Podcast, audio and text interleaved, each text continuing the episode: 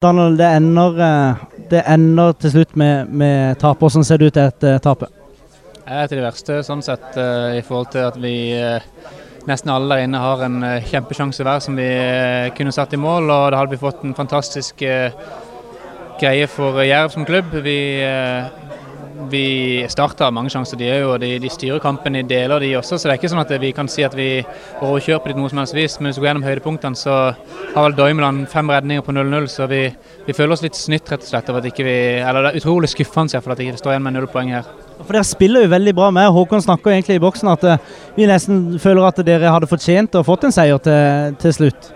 Ja, jeg følte jeg var litt eh, skuffa på 2-2 der egentlig på benken. og Vi hadde tre-fire feite på 2-2. Og så var det sånn OK, greit, vi får ta et poeng, da. Og så kommer han andre veien. Det er utrolig bittert. Eh, men eh, vi, vi klarte iallfall å gjøre en gøy kamp ut av det. Det er jo, det er jo en mager trøst, sånn sett, men det er jo mye bedre det enn å komme her og bli rundspilt. Så det gjorde vi i alle fall ikke.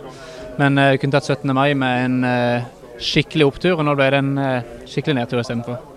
Men du gjorde noe som du kanskje ikke så veldig ofte gjør. Du skårer faktisk på hodet. En fin, en, fu, en fin bue. Var det en tima bue? Ja, altså, Jeg lurer på hvor lenge folk skal bli overraska over de hodestøtene mine. her. Jeg føler jeg skal over hodet hele tida, men det, det, jeg vet ikke.